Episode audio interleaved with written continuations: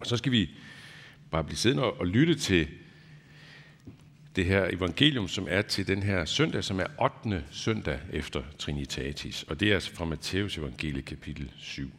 Sidste del af bjergprædiken, som det hedder. Jesus sagde, mange vil den dag sige til mig, Herre, Herre, har vi ikke profeteret i dit navn, og har vi ikke uddrevet dæmoner i dit navn, og har vi ikke gjort mange mægtige gerninger i dit navn? Og der vil jeg sige til dem, som det er, jeg har aldrig kendt jer. Bort fra mig, I som begår lovbrud. Derfor, enhver, som hører disse ord og handler efter dem, skal ligne en klog mand, der har bygget sit hus på klippen. Og skybruddet kom, og floderne steg, og stormene suste og ramte det hus. Men det faldt ikke, for dets grund var lagt på klippen. Men enhver, som hører disse ord og ikke handler efter dem, skal ligne en tåbe, der har bygget sit hus på sand. Og skybruddet kom, og floderne steg, og stormene suste og slog imod det hus, og det faldt, og dets fald var stort. Da Jesus var færdig med denne tale, var skarne slået af forundring over hans lærer, for han underviste dem som en, der har myndighed, og ikke som deres skriftkloge. Mange vil den dag sige, mange vil den dag, den dag, hvilken dag er der tale om? Ja, der er tale om den yderste dag. Den sidste dag af alle dage.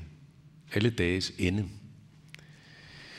Det er faktisk meget mærkeligt at stå her øh, og sige, sådan, øh, vi, vi befinder os stadigvæk i den dejlige sommertid, midt i sommeren. Ikke? Måske ikke det mest fantastiske sommervejr i dag, men det bliver det vist igen her i næste uge. Sommer. Ikke? Man kan ligesom ikke rigtig se det for sig. Alle dages ende. Den sidste dag, den yderste dag. Universets ende. For det er jo netop det, det er. Det er universets ende. Det har faktisk videnskaben lært os, at universets grænse, det er også tidens grænse. Universets størrelse er nemlig samme, det samme som universets alder. Nå, det skal vi ikke dykke mere ned i, men det er meget interessant. Altså ved universets begyndelse, der begynder tiden, og ved universets ende, der slutter tiden. Og hvad er der før begyndelsen og enden? Ja, der, det kan videnskaben af gode grunde ikke uh, svare på. Og når nogen prøver at gøre det med videnskabens briller på, så, så ender det altid i sådan noget småfilosofisk, eller mere præcist noget trosmæssigt.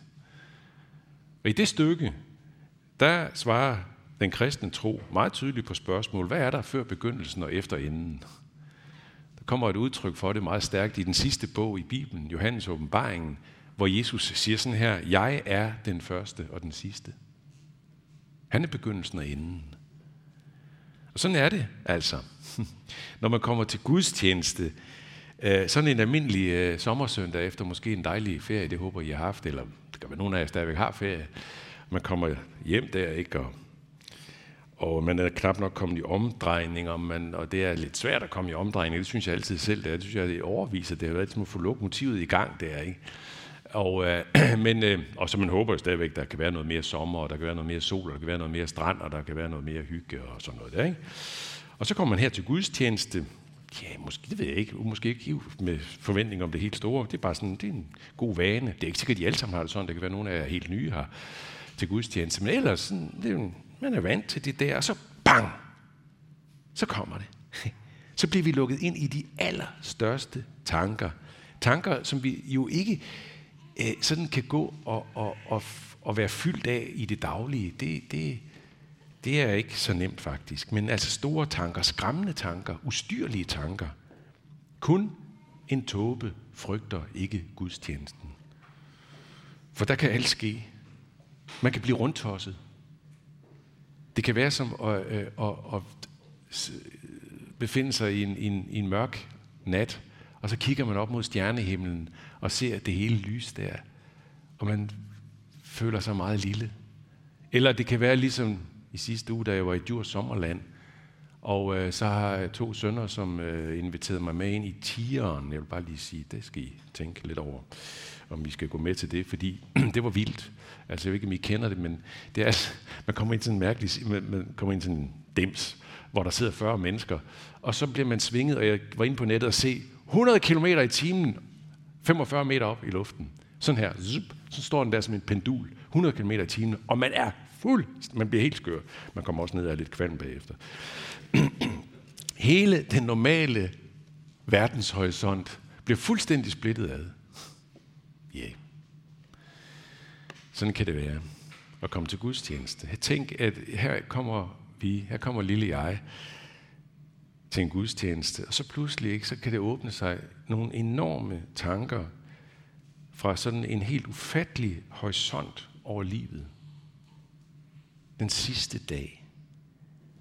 Ja, i morgen ikke, der er det mandag. Så er man tilbage i hverdagen. Hverdagens tumlum og hurlumhej og ja, suk. Men lige hen over det der, lige hen over hverdagen, som sådan en skjult horisont, der er der noget, som er enormt stort. Sådan at mit, min, min lille livsskæbne er vævet ind i et kæmpe drama med et højdepunkt den sidste dag, hvor tiden ophører, universet ender, evigheden begynder, og Jesus ansigt til ansigt. Det er helt vildt. Og det får mig til at sige, at der er ingen herinde, der har et lille liv uden betydning. Ingen. I det her lys er alle liv herinde er enorm betydning. Der er ingen små liv til stede her. Kun store betydningsfulde liv. Og den hverdag, du tager fat på i morgen, hvis det nu er det, du gør, ikke? Den har en usynlig horisont, som er enorm. Så stor, at vi kun kan fange den, måske fange den i nogle få flimrende sekunder, for eksempel her ved gudstjenesten. Pludselig kan den lige prik til os. Mange vil den dag sige til mig, siger Jesus. Hvad er det, mange vil sige til ham den dag? Ja, det han siger, det er, det de vil sige, det er, se mig. Se, hvad jeg har præsteret. Jeg har profeteret, jeg har uddrevet dæmoner, jeg har gjort mægtige gerninger i dit navn, Jesus. Det er klart, selvfølgelig har jeg det ikke. Altså, jeg har jo ikke gjort det uden dig, men, men, men det har jeg altså gjort. Det er et af vores største problemer i livet. Det er selvoptagetheden. Det er selvretfærdigheden.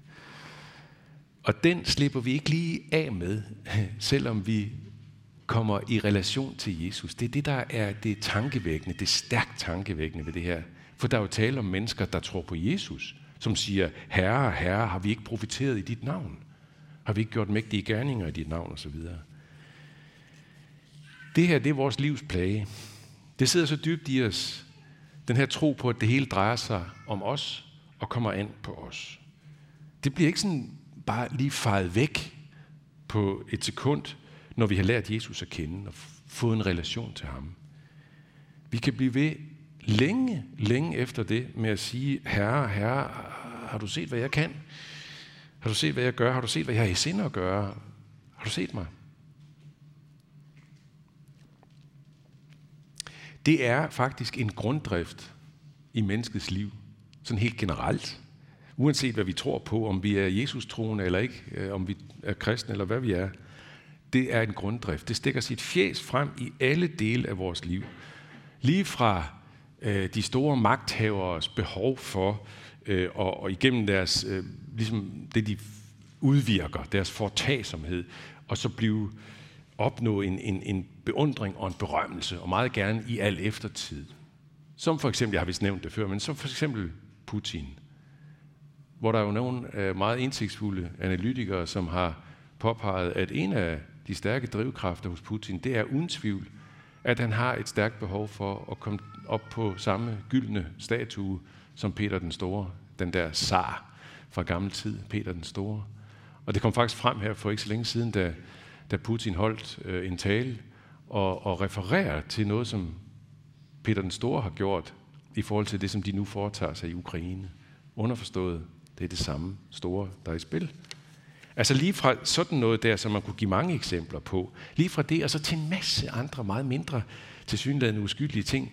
Noget så banalt som, og nu nævner jeg det, en mærkelig ting, øh, kosmetisk kirurgi, plastikkirurgi, som det hedder. Øh, det nævner jeg, fordi der for nogle år siden var en avisartikel, øh, en serie artikler i Kristi Dagblad om det her, hvor de dykkede lidt mere ned i det og analyserede det lidt dybere. Det her fænomen, som faktisk er i stærk fremdrift øh, i Danmark og rundt om i hele verden, mange, mange steder. Kosmetisk kirurgi, hvor, hvor øh, Christi Dagblad blandt andet øh, lancerer et udtryk, der lyder sådan her, skønhedstyranni. Skønhedstyranni skønhedstyrni er blevet så gennemtrængende, at det i dag opfattes som den enkeltes ansvar at se godt ud. Altså det er ikke nok, at man øh, er sådan i almindelighed dygtig og succesfuld og social øh, klog og sådan noget der. Nej, man skal også helst være smuk, hvis man vil gøre sig forhåbninger om virkelig at komme frem i tilværelsen og træde ind med, med, med succes. Så skal man være smuk. Skønheden, det er sådan set blevet en dyd, og dermed også et krav. Et personligt krav. Hvis ikke du har det fra naturens hånd, ja, så, må du, så må du få gjort noget ved det. Altså, så må du opsøge en kirurg, som kan hjælpe dig.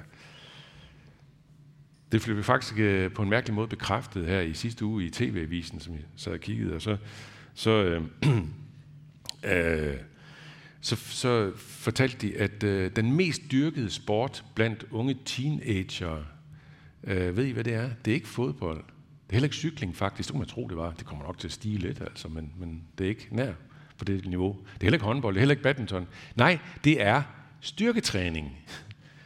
Langt over alt muligt andet. Og så var der så interviewet de en, øh, blandt andet en 15-årig fyr, som meget ærligt sagde, mm, jeg gør det for at komme til at se smukkere ud, og så også for at hjælpe på mit selvværd. Gør dig fortjent. Bevis, at du er noget. Bevis, at du er værd at elske, værd at satse på. Vær smuk, vær intelligent. Få 12 i snit, også i udseende. Og det har så som I nok har forstået nu, også sin kristelige variant, som Jesus taler så stærkt til os om i dagens ord. Ja, yeah, for nu at være lidt privat, ikke? Personligt, så vil jeg sige, nogle gange så tænker jeg faktisk, helt ærligt, så tænker jeg på nogle gange, hvor, hvor meget tålmodighed Gud kan have med mig, når jeg igen og igen løber ud af præstationslinjen. Se mig, herre, herre, har jeg ikke prædiket i dit navn, har jeg ikke skrevet bøger i dit navn, har jeg ikke skrevet læserbrev i dit navn, har jeg ikke øh, kæmpet for den sande tro i dit navn, har jeg ikke lyttet til den ene og den anden og den tredje i dit navn. Har du set det her? Ja. Yeah. Der skal virkelig stærke kræfter til for at blive befriet fra det der. For at finde en, en ny vej. Der skal faktisk kræfter til helt uden for universet. Der skal Guds kraft til, Jesu kraft. Jesus kan befri et menneske fra det her. Jesus kan åbne en anden dør. Og det er derfor, vi er til gudstjeneste igen og igen. Det er for at møde befrielsen endnu en gang, eller måske for første gang for nogens vedkommende her. Hvad består befrielsen i? Ja, det består i at bygge sit hus på klippen. Den, der hører mine ord og handler efter dem, bygger sit hus på klippen. Modsat det at bygge på sandet, som jo er noget lidt ustabilt noget, det er at bygge på sig selv og sine egne præstationer. Det bliver dumt. Byg på klippen. Hvad er det for noget? Ja, det er Jesus. Jesus er klippen. I det gamle testamente, der kan man høre rigtig mange gange et udtryk om Gud, øh, et, et slags billedudtryk om Gud, at han er klippen. Herren er min klippe, kan man for eksempel læse mange steder i Salmons bog, og lignende udtryk. Jesus er Herren, Gud i menneskeskikkelse. Han er klippen. Der er et interessant sted hos Paulus i 1. Korintherbrev, øh, hvor han øh, er inde på, at øh, øh Israels folk i den der ørkenvandring hen over 40 år, på et tidspunkt øh, jo øh, oplever det her mirakuløse, at der løber vand fra en klippe, de er løbet ind i manglende vand, og så pludselig så løber vandet bare fra en klippe, og det beskriver han så der. Øh, og så siger han, at dybest set var det åndeligt drik. Dybest set så var klippen Kristus, siger han. Klippen var Kristus. Kristus er klippen, og hans ord holder os fast på klippen. En hver, som hører disse ord og handler efter dem, skal ligne en mand, der har bygget sit hus på klippen. Og hans ord befrier os fra præstationsfængslet. Fordi når Jesus siger det her, den der handler, øh, den, nej, den der hører disse ord og handler efter dem, ja, så refererer han faktisk helt konkret til den lange prædiken, han lige har holdt. Det, som vi kalder for bjergprædiken, som starter i Matthæus 5, og så helt hen til kapitel 7. Og øh, hvordan er det, han starter hele sin bjergprædiken? Hvordan er det, han starter den? Han starter det med ordene, salige er de fattige i ånden, for himmeriget er deres. Der starter befrielsen med at få lov til at være fattig i ånden, og så blive mødt af et du er salig. Du skal ikke kunne noget først for at være salig, for at være min, for at være elsket, for at være anerkendt, for at være Guds barn. Du er min, sådan som du er, fattig i ånden. Sådan som lille Ida Beate. Jeg tror, hun er fattig i ånden, både menneskeligt og på anden vis. Ikke? Det er sådan et skønt billede på, på, på hvordan, vi, hvordan det hele får lov til at starte. Hver eneste barndåb. Ikke? Lille Ida Beate, sagde Ida Marie? Nej, jeg mener Ida Beate. Nå, i hvert fald. Det der lille menneske, vi døbte lige før. øhm, der starter det altid for os alle sammen. Det er meget synligt, når det er sådan en lille menneske der, som jo ikke har meget at byde ind med, og meget at præstere og sådan noget. Men, men sådan er det for os alle sammen hele tiden.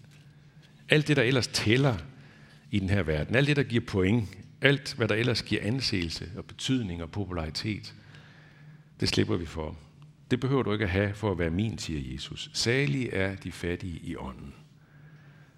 At blive stanset der igen og igen ved fattigdommen, og så få lagt rigdommen ned i skødet, fuldstændig gratis, igen og igen. En hver, som hører disse ord og handler efter dem, bygger sit liv på klippen, siger Jesus. Høre og handle, ja da. Høre og gøre, selvfølgelig. Hvad ellers? Alt andet ville være totalt mærkeligt. En hver af os ved, at det, der holder i vores liv, det der, det der så at sige bygger på klippegrund, ja, det er det, der kommer fra ord til handling, fra gøre til høre. Fra høre til gøre. Også fra gøre til høre, sådan. Øh, det ved vi som voksne, for eksempel som forældre, der ved vi det. Altså, hvis vi lærer børnene én ting, men selv gør noget andet, så fungerer det ikke særlig godt. Eller hvis, vi, hvis, hvis de hører os sige, nu skal, du, nu skal du gøre sådan der, eller gøre sådan der, ikke? og så i øvrigt, så følger vi ikke op på det, vi lægger ikke mærke til, vi tager ikke nogen konsekvens, så, så bliver det ikke til, til, til noget. Så bliver det ligegyldigt. Det bliver som at bygge på sand. Selvfølgelig, selvfølgelig hænger høre og gøre sammen. Det gør det da.